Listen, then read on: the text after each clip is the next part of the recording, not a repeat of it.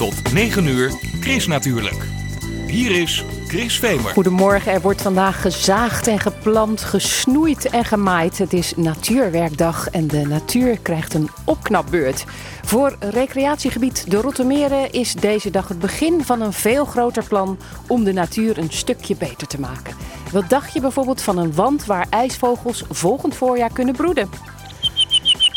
Het Hof van Assendelft is één van de twee gebouwen van Museum Hoekse Waard.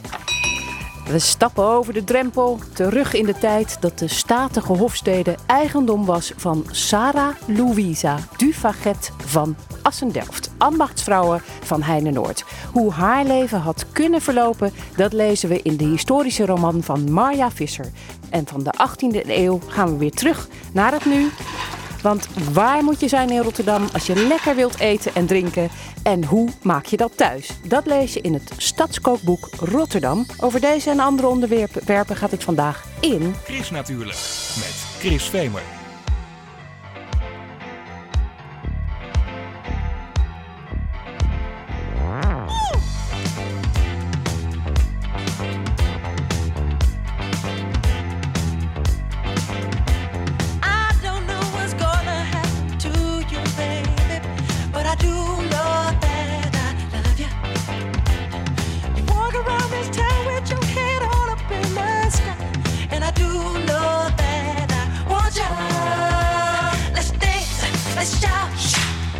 Your body down to the ground.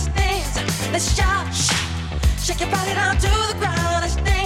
Let's shake your body down to the ground. Let's shout, shake your body down to the ground.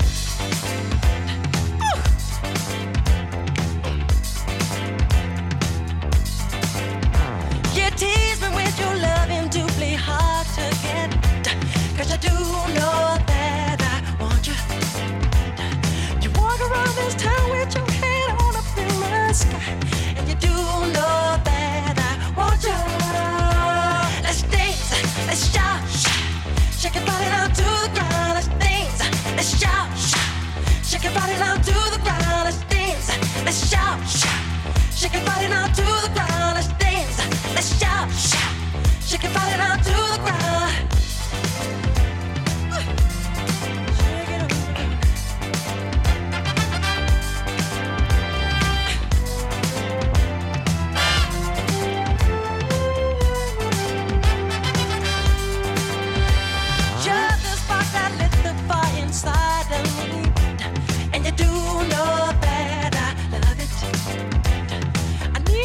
Do something to get closer to your soul, and you do know that I want you.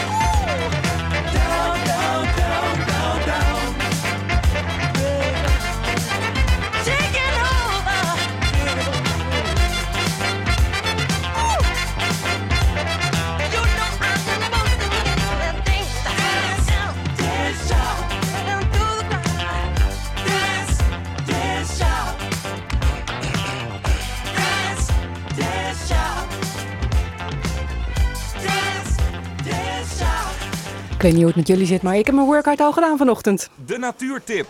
van Chris Natuurlijk. Knotten, spitten, zagen, wieden. Het is Natuurwerkdag. De dag dat vrijwilligers in het hele land een opknapbeurt geven aan de natuur. Ook in het Rottermerengebied, waar deze Natuurwerkdag het startsein is voor een groter project om de natuur in het gebied te verbeteren. Hans Anders van de Natuur- en Vogelwacht Rotta. Wat gaan we doen vandaag? We lopen hier aan het eind van de meerweg en deze strook langs de weg, dit mooie laantje, daar komen tussen de bomen komt er een uh, heleboel mooie stinsenplanten. We gaan bolletjes planten met uh, alle mensen die vandaag komen. Ja, en wat zijn stinsenplanten eigenlijk? Stinsenplanten zijn eigenlijk um, een beetje cultuurachtige beplanting. In het verleden vaak aangeplant rond uh, landgoederen, ook herenboerderijen en dergelijke. Vroeger bloeiers, voorjaarsbloeiers, die, die bloeien op het moment dat de bomen geen bladeren hebben. En dan kan je denken aan sneeuwklokjes, krokus en dergelijke. Dat zijn allemaal stinsenplantjes. Belangrijk ook voor insecten. op dat moment uh, zijn er nog weinig andere bloeiende planten. En insecten zijn daar, vooral de insecten, de honingbijen die op dat moment actief geworden zijn, vaak afhankelijk van dit soort uh, bloeiende planten. Ja, en daar gaan de mensen dan vandaag aan meewerken hè, om dat allemaal in de grond te krijgen. Ja, en de bedoeling is dan uh, dat uh, vooral ook hopen dat er heel veel kinderen komen. Hè. Kinderen tenminste, die, zijn, uh, die komen wat makkelijker bij de grond dan de, de, de dames en heren op leeftijd. Hè, maar ja, die hebben weer minder kracht. Ja, vandaar ook dat we gezegd hebben, we vrezen dat een klein beetje luchtig in, een beetje ja. zand erheen. Dan kunnen ze met een klein schopje dat toch die, die bolletjes de grond in krijgen. En hoeveel bollen moeten er geplant worden? Nou, Erik, enkele duizenden, weet je het precies? Ja, dan gaan we eventjes naar Erik Kortland. Want Erik Kortland van de Natuur- en Vogelwacht Rotta het planten van deze stinsenbollen, dat is eigenlijk het begin van een veel groter natuurproject. Een ander belangrijk onderdeel is uh, het voorkomen van uh, bijzondere broedvogels willen we dan uh, bevorderen. Het visdiefje, een vogelsoort die hier wel veel voorkomt. Visdiefjes die stellen speciale eisen aan hun, aan een leefomgeving. Aan. Ja, die willen een beetje drijven, geloof ik, als ze aan het broeden zijn. Nou ja, goed, die willen zeg maar een kaal en omgegroeid eiland hebben. Dat, dat is wat ze nodig hebben om hier te broeden. En dat doen we dan samen met Stichting Drijvende Eilanden. Die zijn helemaal gespecialiseerd in dat soort eilanden te maken. Drijvende eilanden van piepschuim, uh, afgewerkt met, uh, met schelpen. En uh, nou ja, goed, net, netjes helemaal rondom afgewerkt. Die willen we hier gaan plaatsen in het, in het gebied op een passende locatie. Want het is altijd een beetje puzzelen. Het is echt wel een recreatiegebied hier voor de recreanten. Dus we willen ook weer niet de watersporters daarmee in de weg zitten. Maar op de rustige delen waar de watersporters niet komen. Dan moeten we even naar Erik Rumpf van Recreatieschap Rottermeren. Wat leuk dat mensen dit eigenlijk doen. Hè? Dat ze zich hiervoor inzetten om het gewoon allemaal mooier te maken. Ja, wij vinden het ontzettend goed dat mensen met ons gebied uh, bezig zijn en uh, leuke dingen uh, verzinnen om, om het gebied nog aantrekkelijker te maken voor de recreanten.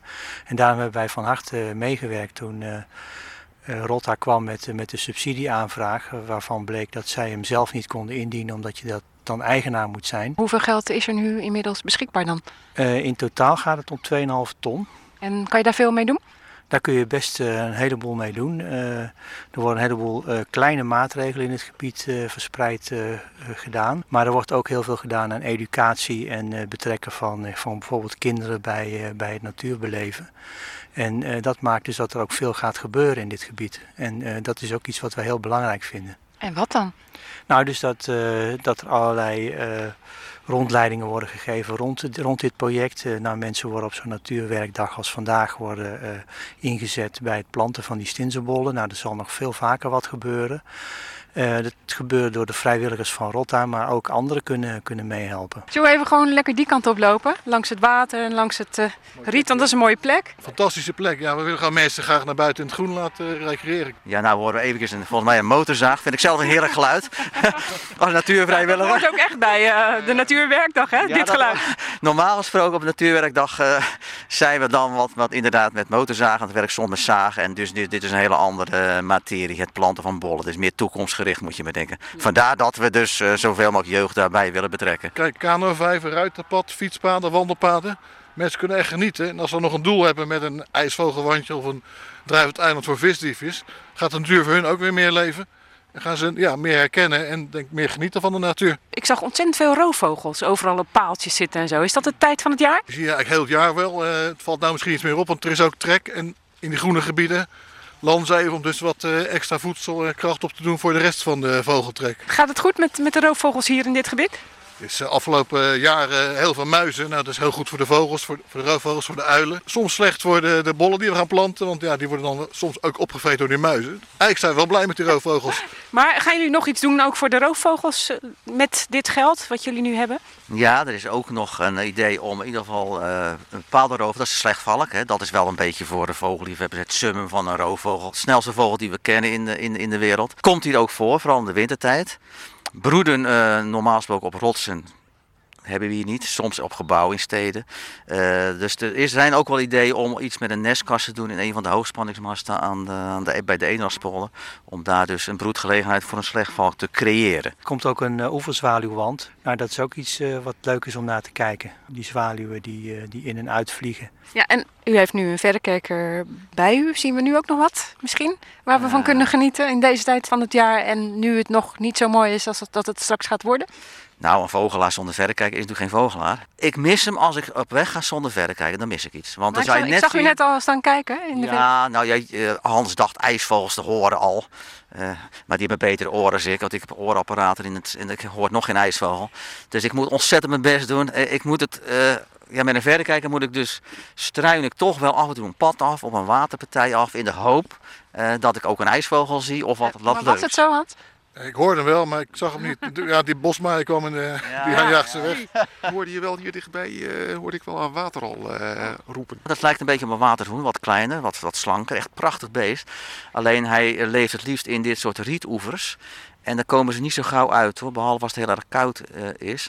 Maar ze hebben een eh, bepaald geluid dat ik net niet gehoord heb, dat een beetje kiep kiep. Maar ze kunnen ook eh, gillen als een, als een speenvark, als een mager speenvark. En dat kan ik nog wel horen met mijn, mijn oren. en dan denk ik, hé, hey, waterral. En dus waarom doen ze dat dan? ja, waterrallen zijn een beetje eenzelfde, net als roodborstjes. Normaal gesproken zingt er in de winter niet zoveel vogels, maar roodborsten wel, omdat ze dus geen eh, andere roodborsten in hun omgeving eh, dulden. Dus eh, zowel de, de- en dat is uitzonderlijk, normaal zingen alleen de mannen, maar bij roodborsten zingen in de winter ook de vrouwen. Want ze hebben ook een eigen territorium in de winter. Nou, waterrallen zijn ook niet echt gezellige beesten voor elkaar. Dus ze hebben allemaal een eigen leefgebiedje. En als er dan twee elkaar ontmoeten of zo, te dicht bij elkaar komen, dan beginnen ze allerlei rare geluiden te maken. Van, van wegwezen jij.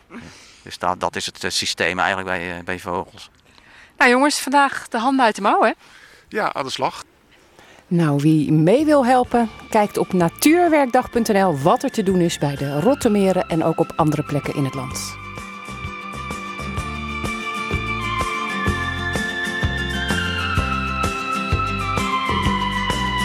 Hoogste tijd haar te vergeten, wordt er gefluisterd achter zijn rug. Ze is te mooi, hij zou beter moeten weten, maar hij luistert niet. De lamme helpt de blinde op zoek naar het juiste spoor. Eens zal hij haar beminnen, want de aanhouder wint.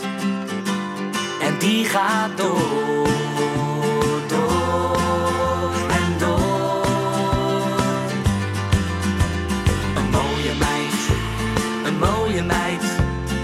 mooie meid. Een veel te mooie meid voor mij. Mooie meid, een mooie meid. Vrienden vragen mij, Dave, wat is er wel onder ons gezegd en gezwegen? Ik heb haar gezien, het meisje uit mijn droom. En ik kan me niet verzetten, ik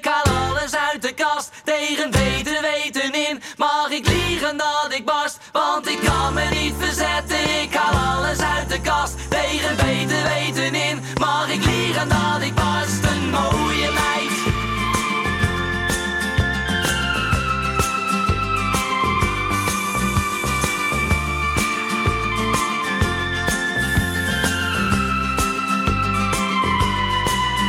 Hoe het werkt kan hij niet weten. Draagt nu al weken een roze bril. Hij krijgt er nooit, kan haar beten, maar vergeten, maar hij luistert niet. Het geluk is met de domme, daar kiest hij zelf voor. Eens zal hun stem verstommen, want de aanhouder wint. En die gaat door.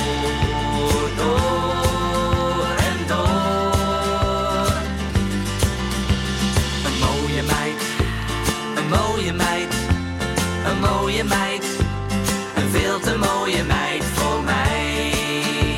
Mooie meid, een mooie meid, een veel te mooie meid voor mij.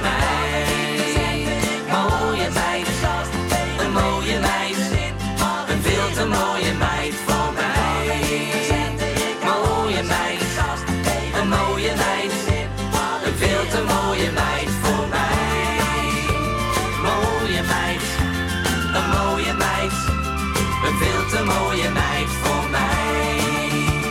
Mooie meid, een mooie meid, een veel te mooie meid voor mij. Mooie meid. Een beetje te hoog gegrepen voor de kick. Mooie meid.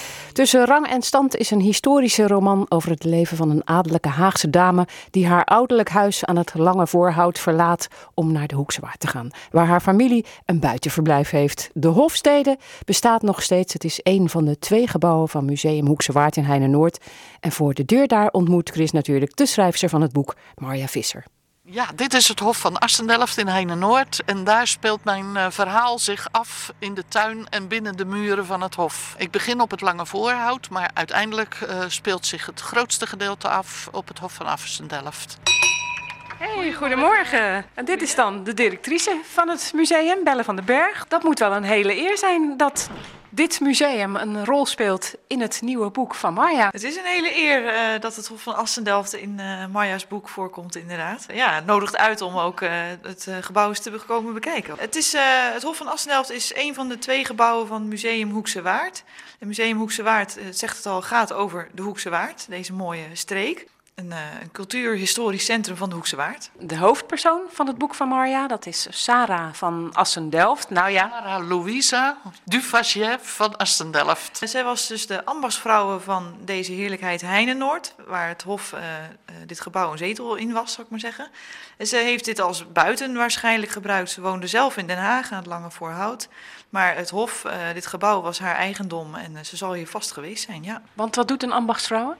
Een ambachtsvrouw is, eh, ja, is eigenlijk eh landeigenaresse, hè? landeigenaar, landeigenaresse van een, van een gebied, van een, eh, stuk land en heeft daar bepaalde rechten bij. Dus allemaal nog van voor de tijd van de gemeentes. Nu bepalen de gemeentes hoe het gaat in een bepaald gebied, hè? In, in jouw dorp of stad. En vroeger was dat een persoon, een ambachtsvrouw of ambachtsheer eigenlijk. En we weten het een en ander over haar omdat er een archiefdoos bij ons, we hebben een archief en er is een hele doos vol stukken over haar, Sarah van Assendelft. En eh, daar hebben we veel vrijwilligers van het museum eh, onderzoek naar gedaan. En dat was eigenlijk, eh, ja, daar, daar halen wij onze informatie uit. Ja. Ja, daar kan je dus niet uitvinden wat voor eh, dame dit in het echt was, deze Sarah. Eh, nee, nee. Dat, eh, eh, dat zijn eigenlijk de platte eh, archiefgegevens. Eh, maar het triggerde wel mijn, eh, mijn fantasie. En alle vraagtekens die daaruit voortvloeiden van... Goh, waarom deed ze dit of waarom deed ze dat... heb ik me- met mijn fantasie zeg maar vastgelegd in mijn boek. Ja, misschien moeten we eventjes eh, gaan kijken hier in het museum, wat natuurlijk ook haar huis was, haar buiten. Ja, Want dit is echt een hele chique kamer. En hier is ook nog iemand anders waar je heel veel mee hebt samengewerkt. Wie is dat? Ik ben uh, Seija Spruit, een van de vrijwilligers en een van de gidsen van het eh, museum hier. Zou de echte Sarah hier veel voetstappen hebben liggen? Ik denk het wel, maar meer eh, misschien aan het eind van het jaar. Dan, kwamen de, dan kwam men naar hier om het eh, tiendrecht te innen. Dus dat was het geld van de boeren. Een tiende van de opbrengst, zeg maar. Dus in het najaar zullen ze hier ongetwijfeld eh, gelogeerd hebben, denk ik. Eh, denk jij ook niet, je? Zonder meer, Ja, zonder hè? meer. Ja. En dan eh, zal er hier eh, wel gewoond zijn. Maar misschien hebben ze er ook wel vakantie gevierd. Dat zou zomaar kunnen. Het is natuurlijk een prachtig buiten. En als je op het Lange Voorhout woont, is ook niet mis. Maar dan is het toch ook wel lekker om helemaal in die polder eh, eh, te verblijven. Kan ik me zo voorstellen. Nou ja, en Sarah heeft natuurlijk altijd een rentmeester gehad. In de periode dat ze in, op het Lange Voorhout verbleef, had zij hier natuurlijk permanent een inwoner. En dat was de rentmeester die haar eh, land, eh, haar pand en haar goederen beheerde. En ja, die moest ook rekenschap aan haar, eh, geven over zijn, zijn beleid. En daar kwam ze voor, uiteraard. Die rentmeester heeft hier altijd beneden gewoond. Oké, dus... dan kon die ook niet, denk ik, samen met die Sarah in één huis wonen als zij hier was. Ja, toch wel. Hè? Sarah heeft boven gewoond en beneden de, de rentmeester, zoals we begrepen hebben. Dit is dan misschien waar de rentmeester sliep. De bedsteden. De opkamer. Dus, Ja, dit is de opkamer. En in mijn boek speelt de opkamer hier wel een rol. Hier is ook een bedstee, dus er kon geslapen worden. Maar is dit boek wat jij hebt gemaakt, is dat nou een streekroman of is het een historische roman? Zomer en Keuning, waar het boek eh, bij uitgegeven is, heeft eh, met mijn boek een nieuwe lijn opgezet aan historische romans. Een historische roman langs de lijn van een echt bestaande die ooit geleefd heeft, laat ik het zo zeggen. Maar ik vond deze Sarah wel opmerkelijk eh, moderne, moderne, onafhankelijke vrouw. Ik weet niet of dat in die tijd zo was. Ik denk wel dat dat echt zelfstandige vrouwen waren. Ja, wel degelijk. Want ze hadden de leiding. Ze waren min of meer eh, de burgemeesters eh, van, eh, van zo'n plaats, van zo'n zo'n omgeving. Want ze was de enige dochter. Ze was de enige dochter, ja. En daarom had zij ook de leiding, was zij de ambachtsvrouw. Ja, zij volgde haar ouders op als ambachtsheer en ambachtsvrouw. Dat bleef in de familie. We waren op weg naar boven. Naar de echte woonvertrekken van Sarah. Waarvan we aannemen dat ze daar sliep. Ja, dat, dat moet er elke keer wel bij, hè? Nou ja, omdat het, omdat het gewoon niet zeker is. Hè? Ik bedoel, nergens wordt beschreven wie er eh, exact in de ruimtes woonde en eh, hoe er geleefd werd. Dus dat is de invulling die, eh, die Maya steeds gegeven heeft. Ja, en dat lijkt me ook wel weer fijn voor een eh, schrijfster. Jawel, om al die eh, vraagtekens op te vullen en aan te vullen, dat is natuurlijk eh casie voor een schrijver. En dat, eh, dat mag je dus ook doen. Het is een fictie, het is een fictioneel eh, verhaal geworden. Dus eh, ik mocht eh, heerlijk fantaseren op alle bestaande gegevens. Is dat Sarah hier, dit portret? Eh, dat is de Sarah die wij in het leven hebben geroepen. Want we weten helemaal niet hoe ze eruit ziet. We hebben geen enkel portretje van haar gevonden. Op mijn omslag van mijn boek, daar staat een hele knappe Sarah. Dus, ja, maar je hebt een gedicht gevonden dat gaat over Sarah en daar is ze helemaal niet zo knap. Dus over de echte Sarah. Ja, Belle van Zuilen. Maar Belle was een, eh, een ontzettende, ja, wat zal ik zeggen, een, eh, hoe noem je dat? Een krengetje. Ja, een, een krengetje, laten we het zo maar stellen. En eh, de, de, de gedichten navenant. En Belle van Zuilen moeten misschien nog eventjes uitleggen. Dat is natuurlijk eh, bekende feministische schrijfster. Sowieso. Maar zij beschrijft in een eh, gedicht, nota bene ter ere van mejuffrouw van Heijnen-Noord. En vervolgens geeft zij aan hoe eh, Sarah eruit gezien zou hebben. Onder andere je slechte adem, je lelijke neus, moet je nagaan.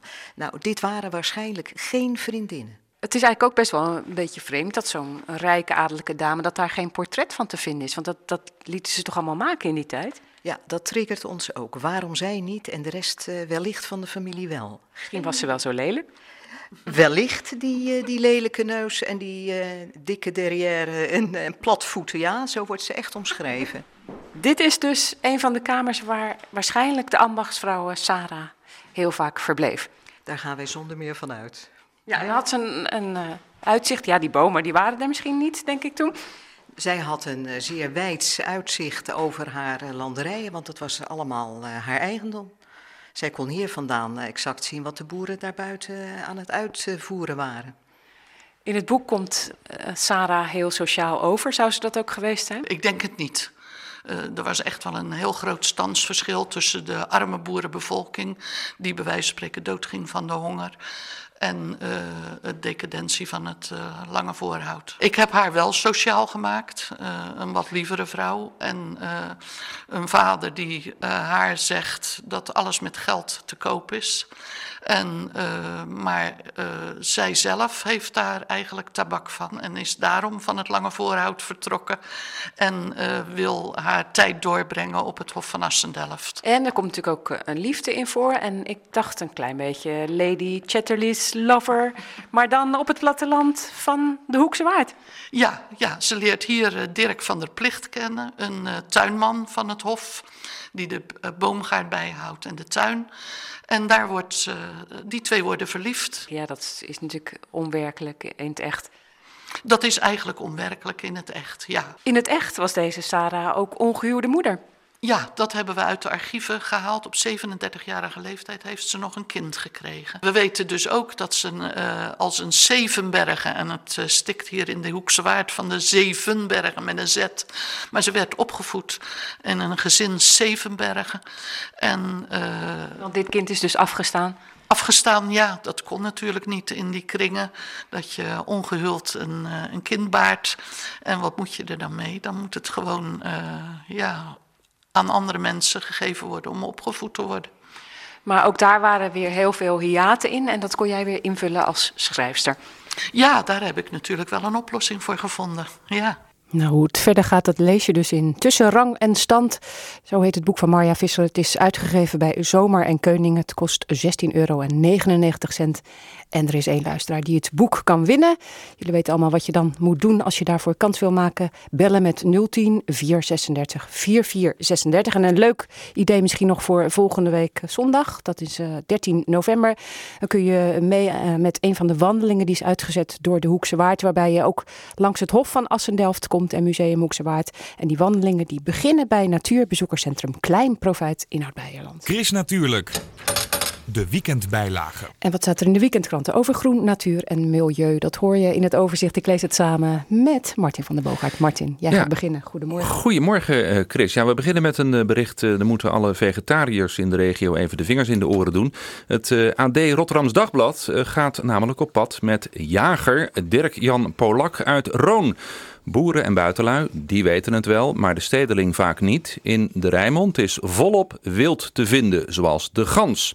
De jager uit Roon schiet niet alleen op de plaagdieren, hij levert ze ook hagelvers aan restaurants. Ja, en de makers van het Stadskookboek Rotterdam die staan ook al klaar om straks wat te komen te vertellen. En die weten daar ook het een en ander wel van. Dus dat zal ik ze straks eens vragen. Ook in de Telegraaf worden wilde dieren geschoten. Maar dan met de camera. De Limburgse strafpleiter Sjoerd van Bergen Henegouwen. Die blijkt een hartstochtelijk natuurfotograaf. Zijn foto's met dieren die recht in de lens kijken verschijnen in allerlei belangrijke bladen. Zoals National Geographic. De Volkskrant heeft een reportage over de waterkrachtcentrale Dommelstroom in Brabant. Toen vader en zoon Tax, allebei ingenieur, in 2011 langs het riviertje de Dommel wandelden en bij de stuw in Sint-Michiels-Gestel het water zagen bruisen en klotsen, kwamen ze op het idee voor een eigen waterkrachtcentrale in het idyllische riviertje. En het is gelukt. Ja, nog meer klotsend water, maar dan wel wat heftiger. Before the Flood, dat is de klimaatfilm van dit moment. De documentaire van Leonardo DiCaprio is vandaag nog online beschikbaar. Voor niks en zonder reclame. Geen gezellige film, maar acteur en filmmaker DiCaprio brengt de urgentie om iets te doen aan klimaatverandering imponerend in beeld, schrijft Trouw vandaag. Klussen op de top van de windmolen, kopt het AD Rotterdams Dagblad. Die de bijna 100 meter hoge windmolen vlak naast de noordelijke afrit van de Van Brienenoordbrug is ingeklommen. Samen met de monteur die de laatste inspectie doet. Maandag wordt de windmolen in gebruik genomen. En op termijn zal het gevaarte 2600 huishoudens van duurzame energie voorzien.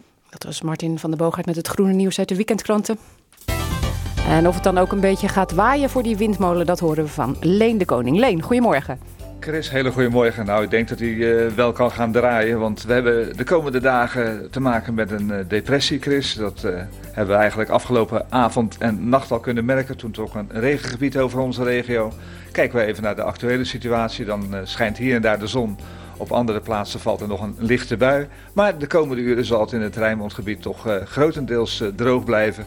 Met af en toe zon. Maar we zijn nog niet van de buien verlost uh, dit weekend. Want dat lage drukgebied dat is ons weer bepaald. Daarbij behoren enkele storingen. En die zullen dan in de loop van de dag en ook morgen over onze regio trekken. Nou, vandaag dus een wisselende hoeveelheid aan bewolking. Vooral vanmorgen dus zonnige periode. Vanmiddag weer kans op een bui, maar ook dan tussendoor nog af en toe zon. En de wind matig tot krachtig uit een westelijke richting. Nou, afgelopen nacht koelde het af naar een graad of 5. En vanmiddag kan de, de maximumtemperatuur uitkomen rond de 10 graden. Komende avond en nacht verandert in de situatie weinig. Er vallen verspreid over de regio een paar buien. Tussendoor zijn er ook wat opklaringen. En de wind blijft matig waaien, windkracht 3 tot 4 uit een west-noordwestelijke richting. De minimumtemperatuur zo'n 5 graden. En ook morgen overdag wisselend bewolkt. Af en toe een bui, tussendoor ook uh, wat zon. En een matig tot krachtige wind uit een west-noordwestelijke richting. In de temperatuur komt eh, overdag ook weinig verandering, want ook morgen kan het op veel plaatsen zo'n 10 graden worden. In de nacht van zondag op maandag zien we nog een enkele bui, maar dan wordt het toch op de meeste plaatsen droog. Een enkele opklaring en koelt af naar een graad of 4. En maandag bevinden we ons dan in koude lucht. We zien vrij veel wolkenvelden, maar af en toe kan de zon doorbreken. En de wind die is dan doorgedraaid naar een noord-noordoostelijke richting en is matig van kracht, de windkracht 3 tot 4.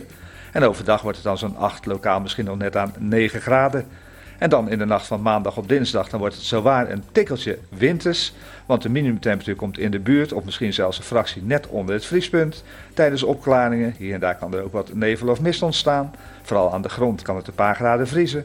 En er staat dan maar weinig wind. Maar die eh, koude periode die duurt maar erg kort, Chris. Want later op dinsdag neemt de kans op wat neerslag alweer toe. En vanaf woensdag zien we alweer een langzaam oplopende temperatuur. Dus het wordt een heel kort koude prikje. Dankjewel Leen en een fijn weekend. Hetzelfde.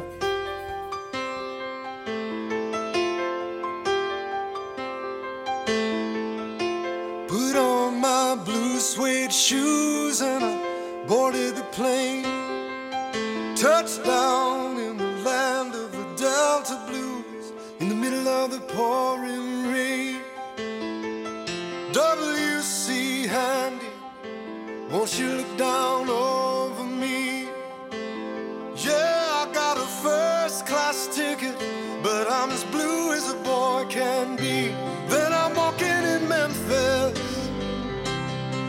walking with my feet ten feet off a beam. Walking in Memphis, but do I really feel the way I feel? Saw the ghost of Elvis on Union Avenue. Followed him up to the gates of Graceland, and I watched him walk right through. Now security they did not see him, they just hovered round his tomb. But there's a pretty little thing waiting for the king down in the jungle room. When I was walking in Memphis, I was walking with my feet ten feet off a beam. Walking in Memphis,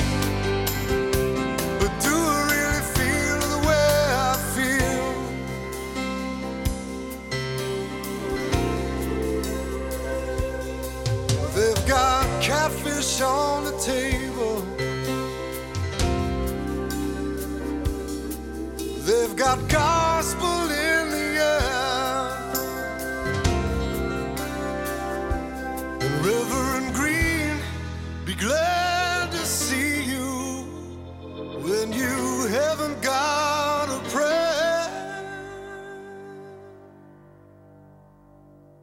But boy, you got a prayer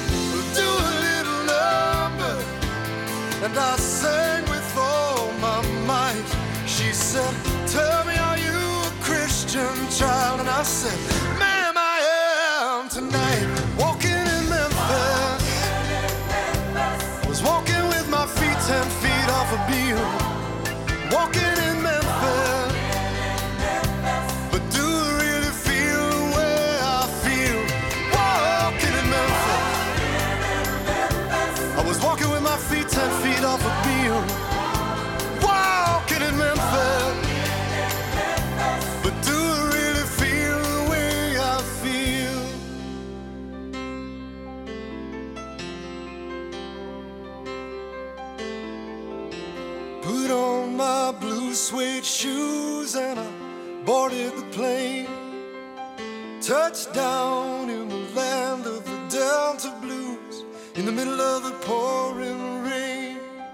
Touchdown in the land of the Delta Blues in the middle of the pouring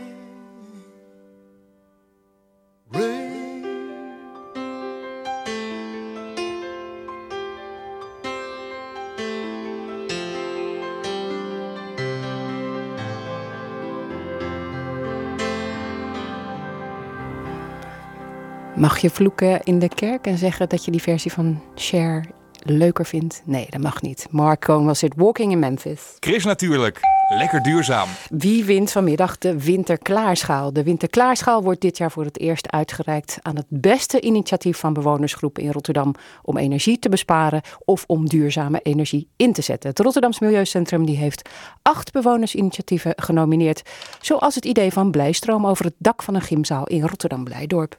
Op dat dak komen straks eh, 192 panelen. Die worden verbonden met de elektriciteitsnet van de wijk. En de bewoners hier in Bergpolder en eh, Blijdorp... die eh, nemen allemaal een deel van de energie af. En die wekken op die manier samen hun, eh, hun energie op. Verrekend met hun eigen energierekening. En die zonnepanelen die liggen inmiddels op het dak van de gymzaal. Ook de bewoners van het Zuiderterras in Rotterdam-Zuid... die maken kans op de winterschaal. In de trappenhuizen en op de galerijen... werden de TL-buizen overal vervangen door ledlampjes en... We hebben als eerste hebben we tijdschakelaars ertussen gezet. Dus in de gangen waar dus het daglicht binnenkomt, daar is dus overdag het licht al sowieso uit. En in de andere ruimtes hebben we dus eh, tijdschakelaars erop gezet. Dus als mensen langskomen, dan hoor je klik en dan gaat die aan. Ook bewonersvereniging Baselbuurt in, de Rotterdam, in Rotterdam Prins Alexander die maakt kans op de winterklaarschaal. Daar is ingezet op het isoleren van de vloeren. Het kost wat, maar dan heb je ook wat. Na ongeveer acht jaar hebben die vloerisolatie er echt wel uit. En eh, je merkt ook wel meteen ook eh, direct wat je merkt is ook het comfort. Je hebt wel snelle warme voeten. Dat waren een paar voorbeelden van bewonersgroepen in Rotterdam die kans maken op de winterklaarschaal. Een prijs van het Rotterdams Milieucentrum voor het beste initiatief van bewonersgroepen om energie te besparen. En straks om één uur wordt de schaal uitgereikt en dus de winnaar bekend. Ah, come on, yeah.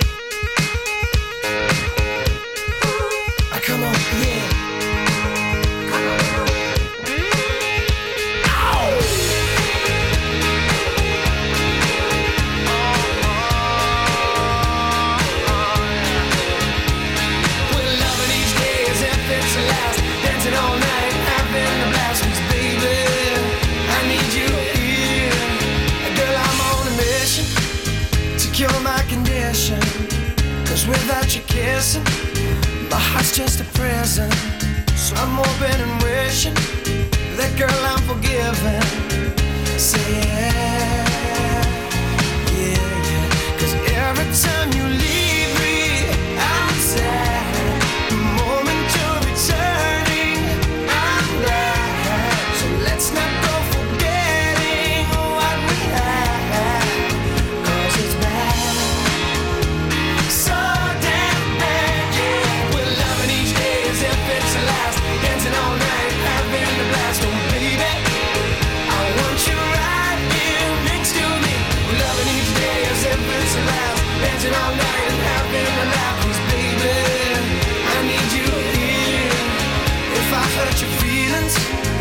Baby, we're even. Cause I've been bereaving since you said you're leaving. But now you're by my side. Let's not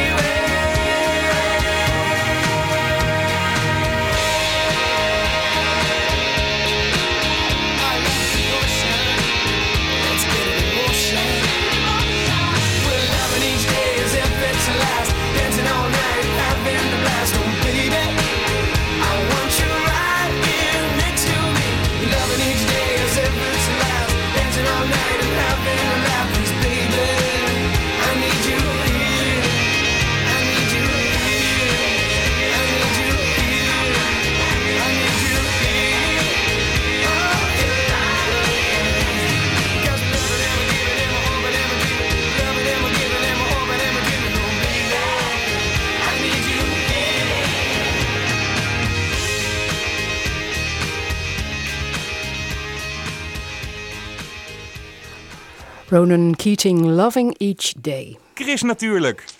Lekker lezen. Het is kookboeken zevendaagse en er is een nieuwe herziene tweede editie van het Stadskookboek Rotterdam. Goede reden dus om de foodjournalisten Frank van Dijl en Wim de Jong, ook schrijvers van dit boek, uit te nodigen. Chris natuurlijk, ze zijn er. Goedemorgen, welkom. Goedemorgen. Hoe, ga, hoe vaak gaan jullie eigenlijk uit eten? Nou, dat kun je een beetje zien, toch? Voor je werk. Ehm, nou, ehm, toch wel eh, één keer in de week op zijn minst. Hè, dan reken ik de lunches niet mee. Ja, ik denk zelf dat ik ook inderdaad op misschien wel twee tot drie keer in de week kom. Rotwerk zeg. Je kan erbij blijven zitten. Ja, maar is het wel leuk om, om altijd maar te moeten denken terwijl je aan het eten bent van eh, is dit goed of is dit slecht? Hè? En mo- wat moet ik er straks over schrijven? Ja, dat gaat ook een beetje automatisch eigenlijk. Eh, dat, het begint natuurlijk al met de keuze waar je naartoe gaat. En dan eh, ja, ga je uit nieuwsgierigheid omdat iets nieuws is. Of juist omdat je iets kent en omdat je weet dat het daar goed is. Ja, want, want gisteren zag ik een, een tweet geloof ik van jou waarin je zei van... wat was het nou? Eh, lunchen uit... Lunchen is het nieuwe dineren. ja, precies. Ja. Terwijl, Ja, ik had- terwijl eigenlijk eh, er ook wordt gezegd dat mensen gewoon nog steeds in Nederland een boterhammetje met kaas het liefste eten tussen de middag meegenomen in een plastic zakje of een lunchbox. Maar jij ziet een nieuwe ontwikkeling. Nou, het was natuurlijk een beetje met een, met een knipoog, omdat ik. Voor, dat was een stukje in NRC Handelsblad gisteren. eh, over eh, eh, CEO Baas van de Lunch. Dat is een nieuwe zaak van Mario Ridder en, en, zijn partner. En. ehm, nou ja, Mario Ridder is natuurlijk een eigenaar van een Julia Sterren restaurant. Eh, hij heeft ook al CEO baas van het vlees op Katendrecht. En nu is hij dus een lunchzaak begonnen in de Karel Dormanstraat. Een hele drukke winkelstraat. En eh, nou, het zat meteen vol. Dus ja, Er is wel markt voor. ik denk dat daar zeker markt voor is. Ja. eh. Wat voor boek is het Stadskookboek Rotterdam? Ehm, nou, ik, dat boek is voortgekomen uit eh, onze grote nieuwsgierigheid eh, naar wat er zich een jaar of twee, drie, vier geleden voltrok in Rotterdam. Eh, toen raakte de stad en met name een aantal jonge ondernemers totaal in de ban van lekker eten en van voor zichzelf beginnen op het gebied van eten. Onder andere mijn zoon begon een eigen restaurantje. En ehm, toen zeiden wij als journalisten tegen elkaar van nou, er gebeurt hier iets waar, ehm, waar we de vinger op willen krijgen. Gewoon omdat het zo verschrikkelijk interessant is. En omdat je een heleboel verbinding ziet onderling tussen al die ondernemers en die nieuwe generatie chefs. En toen hebben we gezegd van nou, daar gaan we een website ehm, eh, over oprichten. Dat werd de Buik van Rotterdam. En ehm, later, ik denk een jaar later, hebben we gezegd van ja, we zouden er ook een gids en een boek van kunnen maken. En toen hebben we Heerlijk Rotterdam geschreven, die echt een gids is.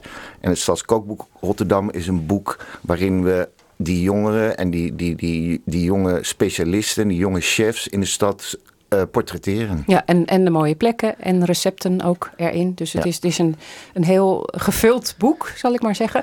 Eh, gaat het nou echt zo hard in Rotterdam dat er alweer een tweede herziene versie van nodig was van dit boek?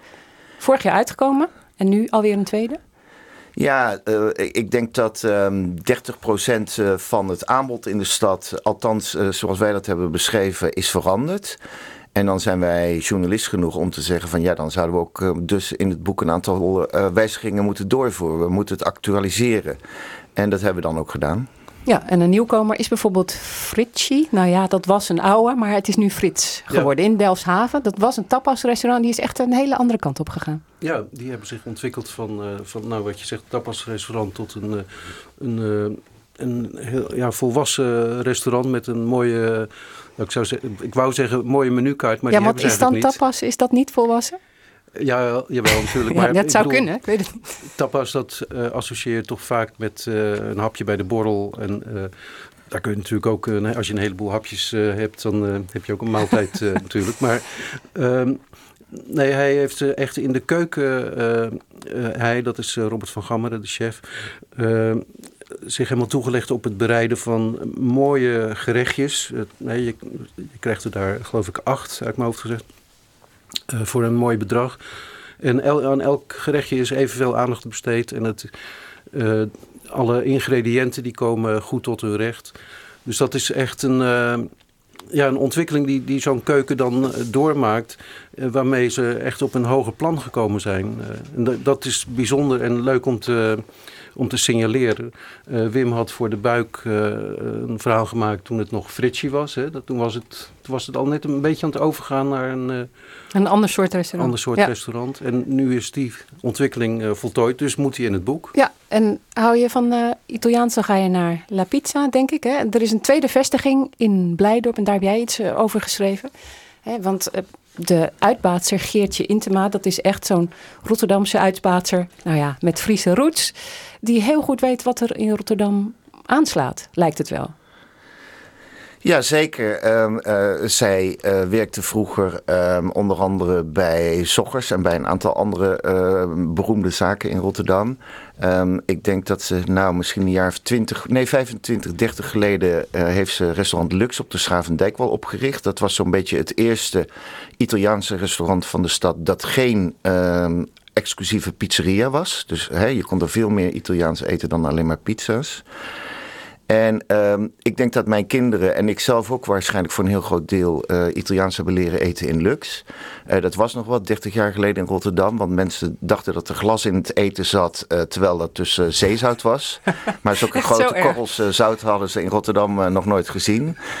Ehm, vervolgens is eh, Geertje La Pizza begonnen in het Scheepvaartkwartier. En ja, dat is vanaf dag één Een ongelooflijk succes ja. geworden. ja, maar dan bijvoorbeeld in Blijdorp hebben we eigenlijk niet zoveel is. Heeft ze ineens zomaar iets gedaan en daar zit het ook elke dag vol, lijkt het wel. Hoe, hoe doet ze dat? Nou ja, Ja, dat kan je lezen in jullie boek, hè? Ja. Zo is het. Ja, ehm, ik wilde wel even vragen, is er nou een verschil tussen bijvoorbeeld eh, Rotterdams, Amsterdams, eh, Utrechts qua restaurantwereld? Eten. Wel, dat denk ik wel. Ik denk dat, kijk, Amsterdam is natuurlijk eh, de stad waar de meeste restaurants eh, zijn, de meeste sterren.